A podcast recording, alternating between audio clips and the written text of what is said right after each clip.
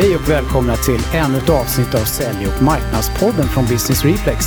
Det här är podcasten för dig som vill ha ny kunskap och inspiration om hur man marknadsför och säljer till den allt mer digitala business-to-business-köparen. Och eh, det är fredag idag Anders. Det är fredag så in och du står och hoppar in i studion. Ja, men det är fredag eftermiddag. Man måste liksom Du hålla... pump- pump- pumpar pumpa upp energinivån.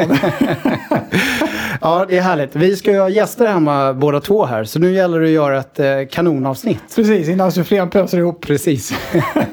och då är det alltid den första frågan då, är ju varför ni ska lyssna på det här avsnittet. Och det, det här gången är faktiskt ganska lätt att förklara. Det vi har gjort nu i det här avsnittet det är att sammanställa lite grann det senaste om det senaste när det handlar om digital marknadsföring. Vi har tagit ett par rapporter, eh, ganska kända sådana här rapporter, i alla fall en av dem. Ja, en av dem är traditionellt eh, väldigt känd. Eh, Och eh, försökt sammanställa den på ett vettigt sätt eh, så att ni kan få bli lite upplysta här eh, om eh, vad som händer och sker faktiskt kring det här med digital marknadsföring. En liten spaning. Ja. Och, så att, häng med och lyssna så ska vi eh, leverera detta till er och kanske även lite eh, tankar och idéer om eh, vad vi har runt de här eh, fakta. Men eh, eh, vi kanske skulle börja med då att eh, eh, en av de här undersökningarna vi kommer gå igenom idag, den kommer från Content Marketing Institute. Och den har de gjort i många år, jag tror det är från 2010, 2011. Den börjar med den här, en årlig undersökning. Och den vi har tittat på specifikt, för de gör fler sådana, eh, den fokuserar på, på B2B. Men här pratar man ju om content marketing som ett begrepp. Och det pratas det ju väldigt mycket om. Det här med content marketing som ett begrepp. Men vi tycker att det är egentligen lite sådär eh, irrelevant. Det, det, det blir fort gammalt, själva begreppet tycker jag. Det börjar redan kännas lite mossigt. Att man har tjatat ut det där en hel del. Ja, eh, vi brukar ju säga i den här podcasten att eh, eh, det är bättre att prata om ett begrepp som digital affärsgenerering. Ja, det, för det är det man ska göra. Alltså content marketing är bara en av strängarna på lyran helt enkelt. Ja, eh, jag menar, det är ju så att content är extremt centralt för att man ska lyckas med digital affärsgenerering. Men det finns många andra saker som är viktiga för att det verkligen ska bli framgångsrikt det där. Precis. Och vi som, vi som har häcklat så mycket under alla år. Idag bestämde vi vår första roll-up till Business Reflex. Precis. Det ska intressant se när den kommer. Roll-upen kommer tillbaks. Som det som är bra med den där roll-upen då, den kommer vara utifrån och in, eller hur? Anders? Ja, den kommer stå i alla fall utomhus lite då och då. Eh, ja, nej, men vi säger mer så här att det är extremt viktigt att tänka på fem viktiga principer. Eh, och eh, de här principerna då bygger ju verkligen mycket på det här att man ska tänka utifrån och in. Ja. Och hjälpa en köpare. Det har ni hört eh, jättemycket. Eh, och, men sen är det också så att eh, man måste också tänka på hela den här kundlivscykeln. Eh, allt som en kund går igenom. Allt från det att man kan bli intres- intresserad och inspirerad tills det att man är en väldigt lojal kund som köper om och om igen och rekommenderar det här till andra. Det är en väldigt viktig princip att man måste tänka så Absolut. om man ska bli framgångsrik här. Eh, sen gäller det att få med hela organisationen. Också en väldigt viktig princip. Ja, Eh, för det har varit, eh, ja, det har jag sagt det så många gånger förut, men det var ju lite grann en liten sluten klubb det där med marknadsavdelningen som sitter och kucklar i ett eget rum. Det, det går ju inte längre. Ja, Utan man måste, jobba mycket ja, på det. Precis. Man måste jobba väldigt agilt och, eh, och, och, och ha väldigt kort, kort framförhållning. Mäta, mäta, mäta och anpassa sig hela tiden för att marknadsföringen ska bli relevant Ja. och fungera. Det är också en väldigt viktig princip. Och sen måste man ju ha rätt typ av verktyg och teknik och rätt typ av kompetens. Då blir det bra digital affärsgenerering och content marketing är liksom, ja. Ja, nej men det är ju... Det var en idé som någon kom med. Det, det är viktigt bra, det är bra namn. men- Ja, precis. Och de här content, vad heter de, Agencies Sweden eller vad de heter. De får hitta på ett nytt buzzword. Får snart. byta Döpa namn om, byta namn snart Ja, igen. det känns lite grann som att det håller på att eh, rinna ut lite grann. Ja. Eh, på något sätt, eh, begreppsmässigt. Och en sak jag tycker är lite intressant då när vi drar de här fem principerna. Det var att eh, vi läste helt nyligen en artikel från McKinsey. Där man påvisar att eh, om man kan liksom jobba med de här principerna som vi snackar om här. Eh, att eh, det faktiskt är så att de företag som gör det kan driva tillväxt bättre än andra. Det var lite intressant. Ja, jag tycker det är skönt att McKinsey på, på något sätt har kommit ikapp oss här i sitt tänk. Nej, men det var väldigt kul, för det är inte så många gånger man har sett den typen av, av undersökningar. Vi kommer hänvisa till artikeln i bloggposten som går ut i samband med avsnittet. Läs den. Just. Väldigt spännande faktiskt att se hur de eh, kopplar ihop det här, eh, tycker jag. Nu är det ganska mycket relaterat till, eh, inte till startups just det där, men, men till lite större tillväxtföretag. Och att man kan påvisa att det faktiskt är så. Just det, det är väl deras kanske normala målgrupp av företag. Ja, eh, men sen så eh, lyssnade vi på ett poddavsnitt eh, för inte så länge sedan heller, Anders. Ja, just det. Vi har, ju, vi har en podd som vi tycker är bra. Båda två. Den heter Six Pixels och Separation. Mm. Eh, med Mitch Joel som eh, poddledare. Han så här börjar sina, ja det här är avsnitt 9480 av... 528 tror jag Ja, mycket i alla fall. Nej, men där pratar man ju om att eh, i princip håller vi hamna i någon sorts situation, i alla fall på lite större bolag, där marknadschefsrollen, den här moderna marknadschefsrollen som behövs för att de här fem principerna ska kunna bli verklighet, i, det kommer i princip inte kunna gå att vara en sån människa längre. Nej, det blir väldigt brett och stort och det är väl lite grann som, jag, jag vet inte om, om marknadsavdelningen kommer gå nästan samma öde till möte som IT-avdelningen. Att, att det, det blir en sån integrerad del av businessen att ha IT. Så det är ingen speciell sak. Nej, och jag Utan- tror en stor del till varför det kommer hamna där tror jag beror just mycket på det här med att eh, man måste tänka hela kundlivscykeln Mm. och verkligen leverera ett eh, värde med marknadsföringen och en upplevelse med marknadsföringen i alla de här delarna. Mm. Då blir det liksom de som ansvarar för de här olika delarna av den här köpresan i verksamheten också ansvariga för att driva kommunikationen där. Just Se det. till att man liksom gör relevant digital marknadskommunikation utifrån de olika aspekterna som det, som det blir då. Ja. Det kanske, det kanske är så att eh, det, den, den traditionella marknadsfunktionen eller CMO'n kanske blir den då som eh, håller i utveckling av företagets why och eh, att man har rätt köparfokus i stort sett. Ja. Det kanske blir så det blir. Ja, det blir den centrala Det funktionen. ansvaret för liksom köparna och Ja. att man är relevant för dem och att bolaget liksom jobbar på rätt sätt med marknadskommunikation Precis. eh, kopplat till de olika faserna och sådär. Ja, men, men sen kanske varje, varje ja, tyvärr då, liten silo har sin egen eh, taktiska marknadsföring. Ja, Marknadsför lite typ överallt. så. Beroende lite grann på var man befinner sig i den här livscykeln. Ja, ja så Ja, kanske det vi blir. får se. Mm. Eh, det Det ska bli så intressant. Det ska bli mycket intressant att följa den utvecklingen. Precis. Och eh, den, den person som Mitch Joel då intervjuade, det var ju Rob Rose, som har varit med i Säljmarknadspodden också. Precis. Eh, så han börjar, han börjar dala lite grann på popularitetsskalan. Ja, vi måste få hitta honom igen. Nej, jag vet inte. Vi får se. Vi får se. Han har ju skrivit en bok som heter Killing Marketing. Det är därför han är ute och Precis. eh, är med. Ja, och apropå det då, då så eh, är ju han också väldigt eh, involverad ihop med Joe Polizzi kring Content Marketing Institute och som gör den här undersökningen som vi nu ska hoppa in. Också och, en kär poddgäst. Precis. Mm. Mannen som uppfann eh, begreppet content marketing Ja, han kanske blir arg på oss nu när vi säger det att tror jag inte. Han är nog också, han fattar också att det är på väg ut för så han kommer uppfinna något nytt begrepp. Vi marknadsför, vi gillar buzzwords. Så att det, Apropå det då, då eh, nu står ju du här och säger att content marketing är lite på väg ut då. Eh, Ja. På något sätt, i alla fall som begrepp. Eh, men tittar man på den här undersökningen så är det ju ganska solklart, eller hur? Eh, därför att eh, den, i princip den första bilden som dyker upp i den säger ju att, eh, nu ska vi säga så här, det här är ju då business to business-företag med huvudfokus på Nordamerika. det är det. Ska vi säga också. Det här är inte egentligen en global undersökning den här nu. Och där säger man helt enkelt att det är 91 procent av de här bolagen som anser sig jobba med content marketing i någon form. Ja, det är ju många. Och det, det är väl lite grann det som att det blir mainstream. Det är inget konstigt. Ja, jobbar ni med el på ert företag?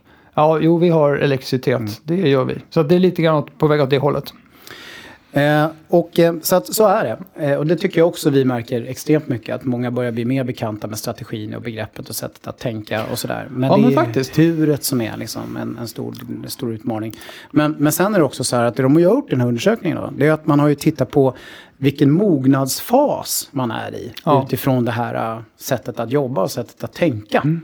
Och det har blivit en sån här bell curve. Då tycker jag också att det är ett bevis på att det har liksom satt sig. Att Mm, det, är det finns liksom en sån. Ja, det finns en sån. Det finns vissa som är väldigt på det och sofistikerade och andra har inte kommit igång riktigt men det är en stor klopplopp där i mitten. Mm. Det är som ett bevis på att det har kommit långt. Och då kan man säga så här att, att eh, här har man delat in det då i fem stycken olika mognadsfaser. Eh, man har en sophisticated, mature, eh, adol- adolescent, Adola- Adolescent. young och first step.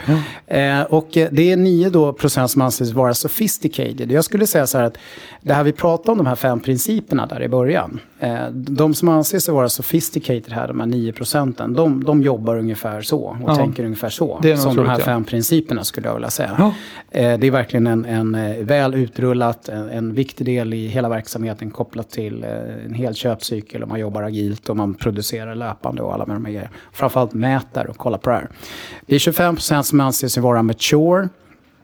Eh, man jobbar med det här lite framgångsrikt. Eh, och så vidare. Och några då som eh, ja, har börjat. Ungdomar. Kommit en liten bit de på vägen. ungdomar, ja. Jag tror att väldigt många har ju kommit till det här läget att man kanske då har förstått strategin och sen har man börjat göra content. Eh, men man har inte så tydligt tänk om varför och hur och liksom sånt. Men man gör content och puttar ut det liksom på lite olika sätt. Då är man lite mer first steps eller young skulle jag säga. Eh, så att det finns en, eh, en sån eh, skala på mognadsgrad här ganska tydligt. Och helt klart så rör sig ju folk liksom lite grann framåt i den här mognadsskalan. Så det blir kul att se hur det ser ut nästa undersökning när den kommer. Och sen har vi då eh, lite annan fakta i det här då. Det är då att eh, what content marketing activities does your organization outsource? Just det. Vad är det man, vad är man eh, inte gör själv? Och det är då hälften ungefär. De eh, lägger ut själva skapandet av content på en extern part. Mm, det, det är kanske det också som man outsourcar eh, eh, mest. Det, det är det som outsourcar mest.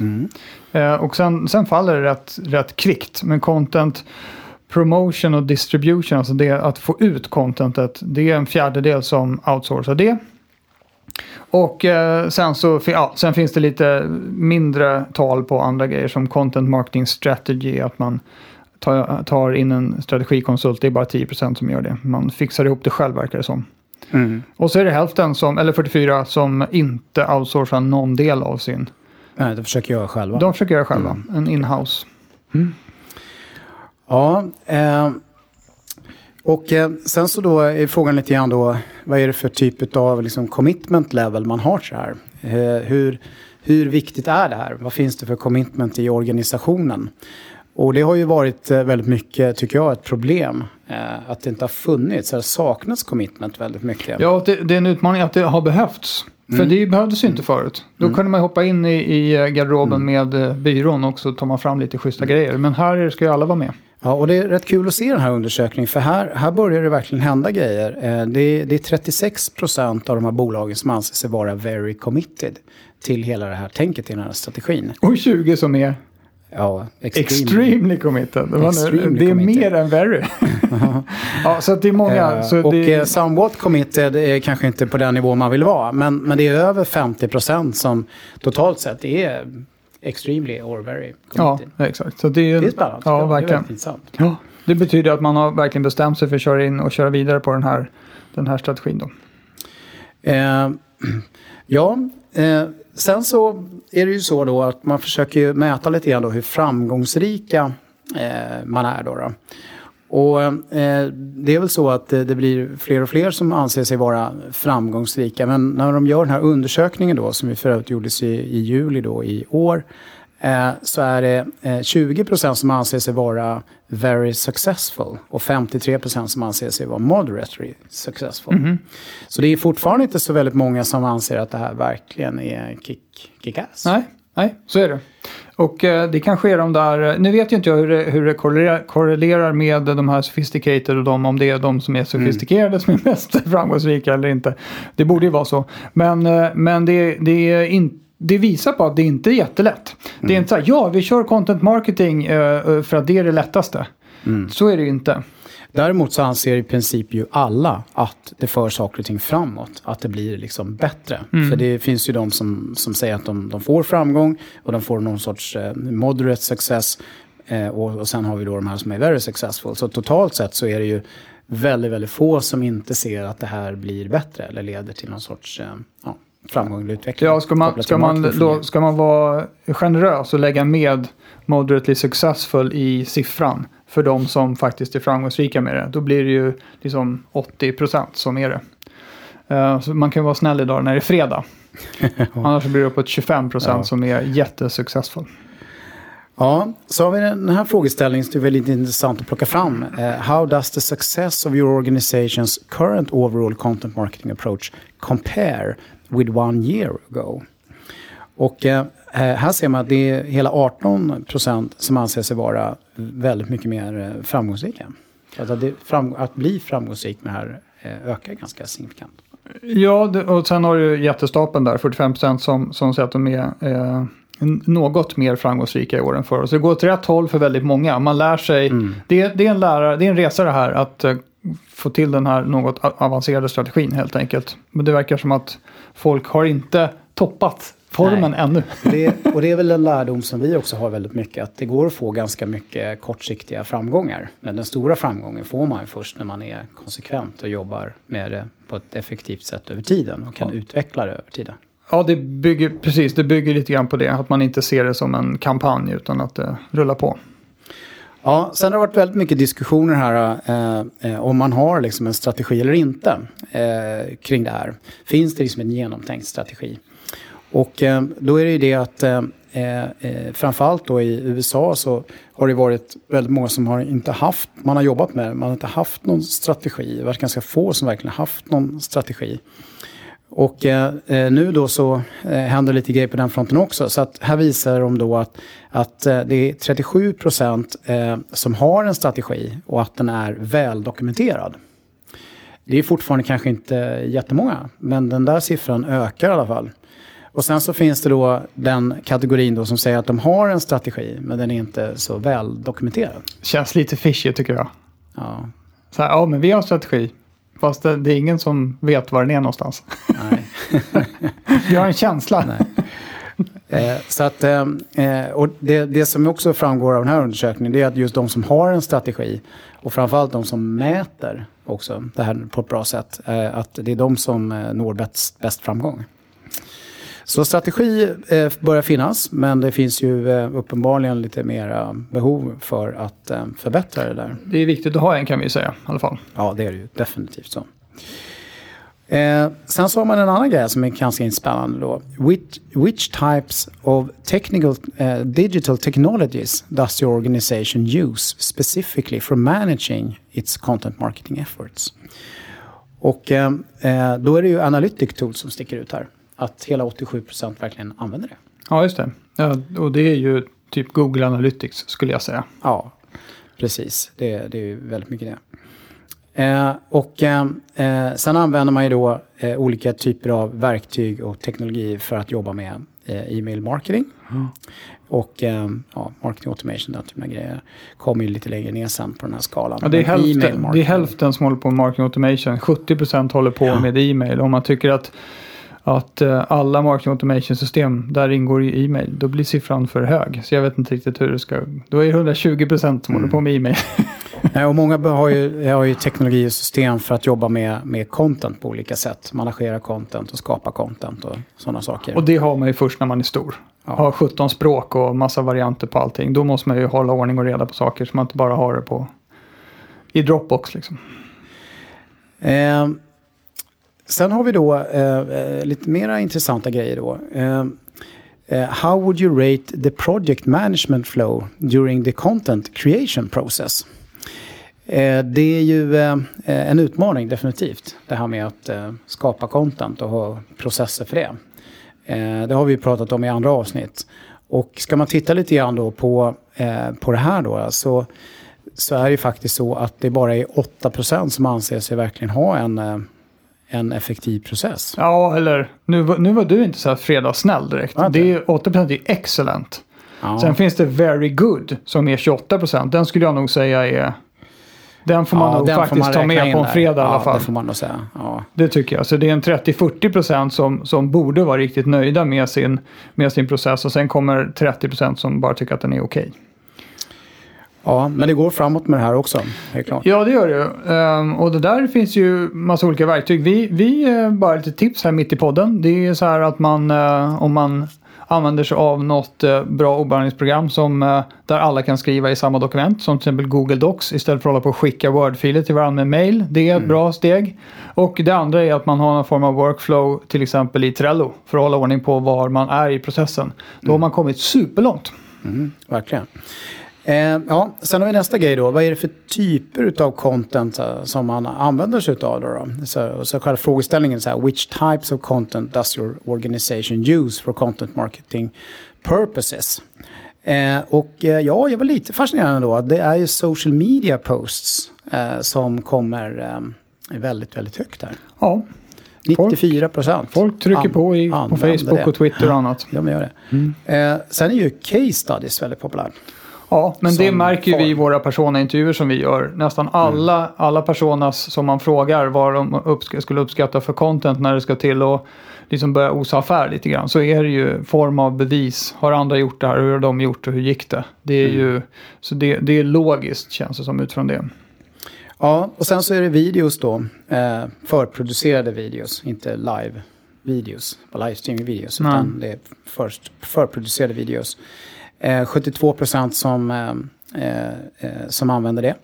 Och eh, e-books, white papers, guider av olika slag. Mm. alltså ganska omfattande dokument. 71 procent som använder det. infographics, sådana här bilder som förklarar eh, mer avancerade flöden och eh, processer och, och, och, och eh, saker, samband och så. 65 eh, procent, ganska populärt att använda, funkar bra.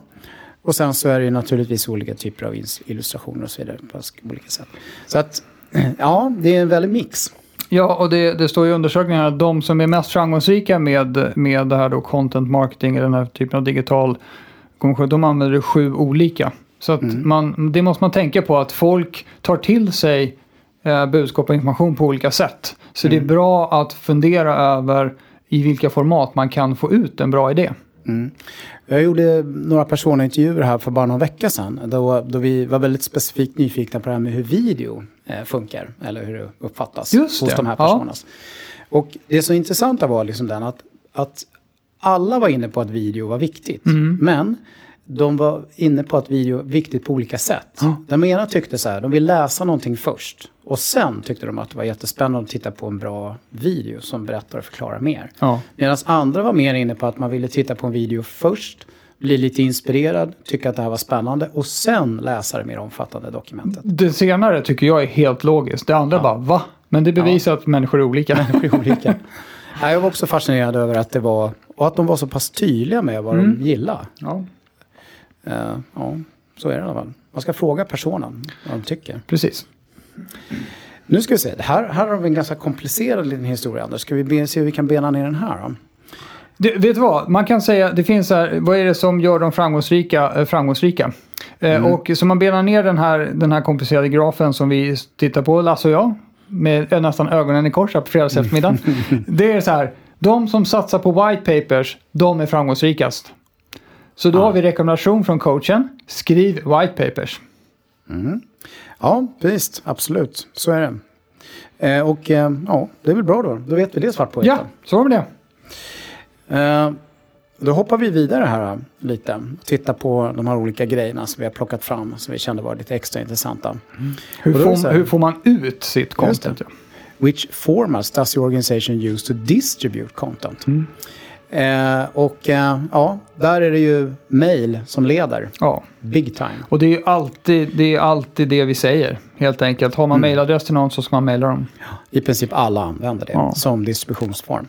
Men sen kommer ju då, tycker jag är ganska väntat ändå, eh, social media platforms. Men i B2B-sammanhang så är det fortfarande LinkedIn och Twitter som verkligen är de som eh, hänger i. Ja, ja så är det. Gud vad det tutar. Ja, tutar. Ja. kanske har hänt något. Ja, jag hoppas inte. Ja, som tur, tur var kanske inte. Ja, det Bloggar är många som använder också. Uh, och det, det är någonting som vi ständigt rekommenderar. Att man, Vi tycker man ska använda en mix av det här naturligtvis. Uh, det är samma sak här. Most Successful, de använder, de använder uh, fem olika sätt att få ut sitt content på i olika kanaler. För det är också det att folk mm. inte bara tar till sig lite längre content på olika sätt utan man vill ju, man hittar och letar på olika ställen. Och det är intressant också är ju då i den här digitala eran att, att man gör ju fortfarande liksom in-person events. Mm. Eh, det vill säga olika typer av eh, seminarier, seminarier och, ja. och, events. Och, Konferenser och sådär. Eh, det, däremot så tror jag att folk tänker till mycket mer på hur man verkligen ska göra dem där för att de ska leverera värde och inspirerande och tillföra något. Men att man verkligen fortfarande gör det och anser att det funkar bra. Mm. Det gör vi. Ja, och webinars, ska vi inte säga. Eh, Ja, sen hade vi en till sån här liten komplicerad eh, historia. Just det, och där är samma sak. Så vad, är det som gör, vil, vad är det som gör de som är framgångsrika framgångsrika på just med, med content distribution? Och det är det som vi sa alldeles nyss, att det är mail som är grejen. Mm, det är svart på vitt, ja. det absolut effektivaste sättet. Ja, eh, som kommunikationskanal. Jobbar man med mail och blogg, då så kommer man bli framgångsrik om man gör det bra. Man kan göra andra saker bra också, men det spelar ingen roll. gör man dem så blir man inte framgångsrik i alla fall. Ja, och så kommer vi då till den här specifika frågan om vilka sociala medieplattformar då som används. Mm. Eh, och eh, det intressanta är att hela 97% använder LinkedIn. Ja. Så man, man använder verkligen LinkedIn. Nu är Grattis, det etablerat som Microsoft. marknadsföringskanal. eh, det har ju, eh, inom B2B är det väl många som har sagt att det är en intressant kanal. Men det är väldigt, väldigt eh, dominant. Väldigt, väldigt många har förstått och lärt sig att man ska använda det som en marknadsföringskanal. 28% på Google+, det är helt galet. Vem Ja. är det som... Ja, Det det är väl några i USA som fortfarande Ja, det måste vara det. Det måste vara det. Eh, men att Twitter är också så pass stort att hela 87% använder det. Sen kan man alltid fråga sig eh, Det kommer vilken på av de här som slide. levererar bäst. Det kommer på nästa slide. Ja, Facebook, 86% använder det i B2B-sammanhang Ja. på något vis. Ja. Det, är, Det tror är vi en också att det växer. De jobbar på som galningar för att få det där till mer Ja. konkurrera med LinkedIn. Ja, och 60% använder YouTube aktivt som, som distributionskanal eh, inom Ja, B2B. precis. Det är också ganska, det är höga siffror här. Instagram eh, 30 procent, alltså. men det har inte riktigt tagit fart inom B2B än, helt klart. Ja, eh, LinkedIn ja. Ja. Vilket anser man vara effektivast? Ja, så ska man, eh, ska man eh, vad heter, göra något i alla fall så är det LinkedIn man ska vara på. Det tror jag inte Ja. förvånar någon. Nej, och väldigt många anser vara att, att det är effektivt, att Ja. det verkligen fungerar. Det är så roligt här, för här, den här grafen visar att eh, det är av de som är riktigt framgångsrika, då är det 82% som använder LinkedIn. Och de som inte är framgångsrika så är det 74% som använder LinkedIn. så, att, så att det är ingen garanti att bli framgångsrik bara för att man använder LinkedIn. Men eh, man ska absolut göra det. Ja, och då kommer vi till den här frågan om de mäter då saker och ting här. Eh, does your organization measure the return on investment, ROI, of its content marketing efforts? Eh, det är 35 procent som anser sig att de gör det. Det är roligt att det är 18% som, eh, som Är osäkra är osäkra på om gör de gör det eller inte. Eh, men eh, det är en väldigt liten eh, siffra här. Att, att det bara är 35 procent som verkligen gör det. Ja, det, men, men det har nog att göra med det där med ROI. Alltså det är Mm. ju jättesvårt. Det är svårt. Knyta Mm. det till något specifikt det där när man har en lång, lång köpresa Mm. och som man, där folk duttar på lite olika ställen och så här. Hur, det är ju inte jättelätt. Nej, man behöver en strategi och man behöver liksom ordning och reda på de här grejerna för att det ska gå att mäta det på ett vettigt sätt. Och det, det är inte så lätt. Nej, det är det inte. Så att, eh, Och alltså, hälften säger bara nej, det gör vi inte. Det går bra ändå. ja, sen eh, ställer de sig då frågan varför man faktiskt då inte gör det här. Då, då. Mm. Vad är själva anledningen? Eh, och eh, en sån anledning är att det faktiskt inte förväntas från bolagets ledning Nej, att marknaden ska göra det. precis. Det är den allra Man lägger de pengarna Mm. i den så kallade varumärkeskorgen. Ja. Där man inte kan mäta ett smack och så tycker man att det är bra med det och kör på. Ja, och nästa anledning är den vi precis var inne på. Det är helt enkelt eh, Det är för svårt. Det, är skulle kosta svårt. för mycket kraft och pengar att få koll på det helt enkelt. Ja. Eh, så att eh, eh, ja, man har inte kunskapen helt enkelt. Jag tror på marknadssidan har man helt enkelt inte erfarenheten av att mäta på det här sättet. Eh, det finns liksom lite, lite, lite, ganska lite historik om att man faktiskt ska göra det generellt sett. Och så, så att, eh, vissa andra anser att man inte har tid att göra det. Man prioriterar ner det helt enkelt. Mm. För det tar ju ändå lite tid att göra det. Och så, så att, eh, ja, eh, nu ska vi se här då. Nu kommer vi till en annan liten intressant grej här. Det är indicate your level of agreement with each statement concerning the content marketing metrics used in your organization. Eh, säger de här. Och eh, då finns det då ett statement som är så här. Increased audience engagement. Det mäter man på det vänster. mäter man. Och det är ju relativt lätt att mäta också. Ja, alltså jämfört med ROI, det är ju supersvårt eh, att mäta jämfört med, jämfört med eh, audience engagement, alltså klick och likes och vad det nu kan vara och klick i mail och sånt. Det är ju, där kan ju varje system i sig rapportera av ganska exakta data som man kan få ihop. Ja. Något annat som man ändå lyckas mäta också det är ju faktiskt hur många leads man lyckas skapa av det. det här. Marketing qualified leads som man kan lämna över Ja. till någon. Det, det, det lyckas ändå eh, man Jag, mäta jag kan tänka mig att så länge man mäter de där grejerna och kan visa upp det för ledningen, då är det ingen som vrider åt trasan så pass mycket så att de ska få fram en exakt ROI-siffra. Det är nog där man ligger Mm. just nu. Ja, och då kommer vi då till den här frågan då. Eh, eh, kommer man då att öka sina investeringar och öka sina satsningar på det här? Och eh, då är det så att den exakta frågan är How do you expect your organization's content marketing budget to change in the next 12 months? Och det är ju 38 procent som kommer att öka investeringen. Mm. Jag kan tänka mig att en del av den ökningen eh, ligger i eh man går tillbaks till att köpa mer media än man gjort förut. Mm. För förut var det ju gratis allting. Det var bara att distribuera mm. ut det överallt. Nu, alla de stora plattformarna, de har ju betalalternativ som man behöver vara med och pröjsa mm. på. Också native advertising och sånt som kostar pengar.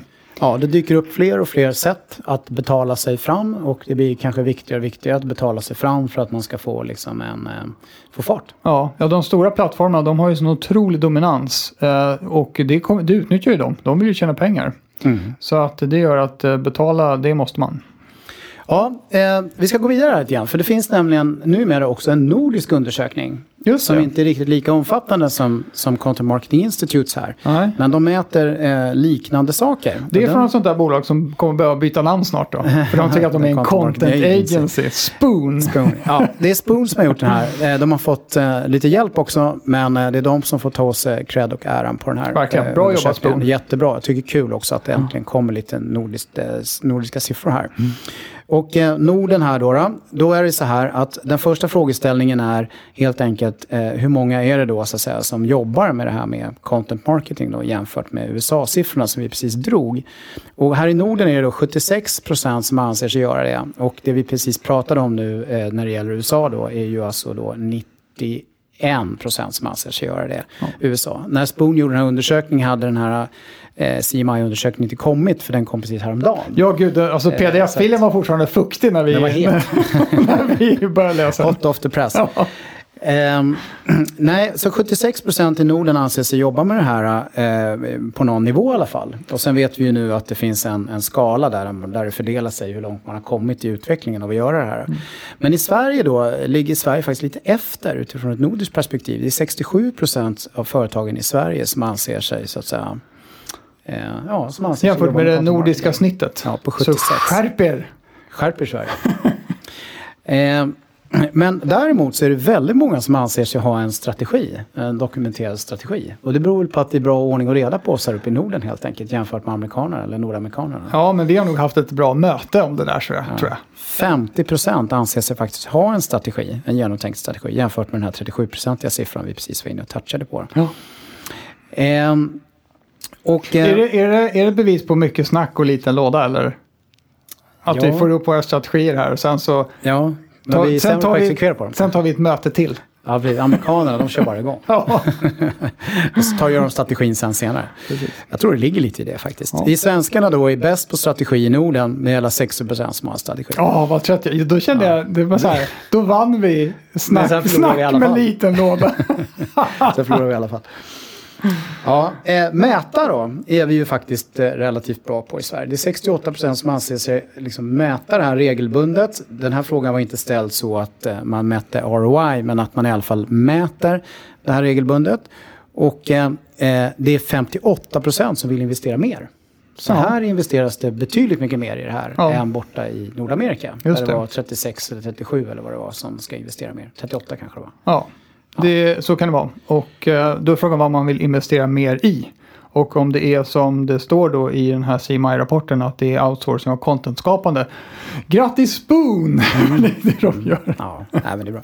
Grattis Spoon! Mycket content behöver produceras, mm. men det är extremt centralt i det här. Ja, eh, det här var fredagssvepet. Ja, precis. Eh, över fakta. Det senaste om det senaste när det gäller content marketing, ja. digital marknadsföring. Ja eh, som eh, ni har fått det till livs här. Eh, så lyssnar ni på det här avsnittet här nu så eh, vet ni det, att då har ni koll lite grann på det. Och så får man väl klicka på någon länk i, i bloggposten och ladda ner de här rapporterna ja. om man vill grotta ner sig mer. Precis, det kommer vi länka till. Ja. Vi ska länka lite till McKinsey också som vi lovade i början. Och kanske det här poddavsnittet också som snackar om att marknadscheferna kommer att, ja, det kommer bli något helt annat. De upplöses i en grå sås bara. Mm. Allt är marketing. Det kommer ju vi tycka är jättekul. Ja, verkligen. Du, eh, ska vi ta och springa iväg nu och ta hand om ja, gästerna? Ja, jag tycker det. Men det är väl en sak dock man, man som man Anders, verkligen ska... Hur går med sufflén? Ja, den är nere på två centimeter nu. men jag tänker att eh, det är någonting man ska tänka på trots allt. Ja, det är det ju. Det får man ju absolut inte glömma bort. Nej, Och gissa vad det är då? jag tror Det att det är att man ska vara relevant. Hej då! Hej då!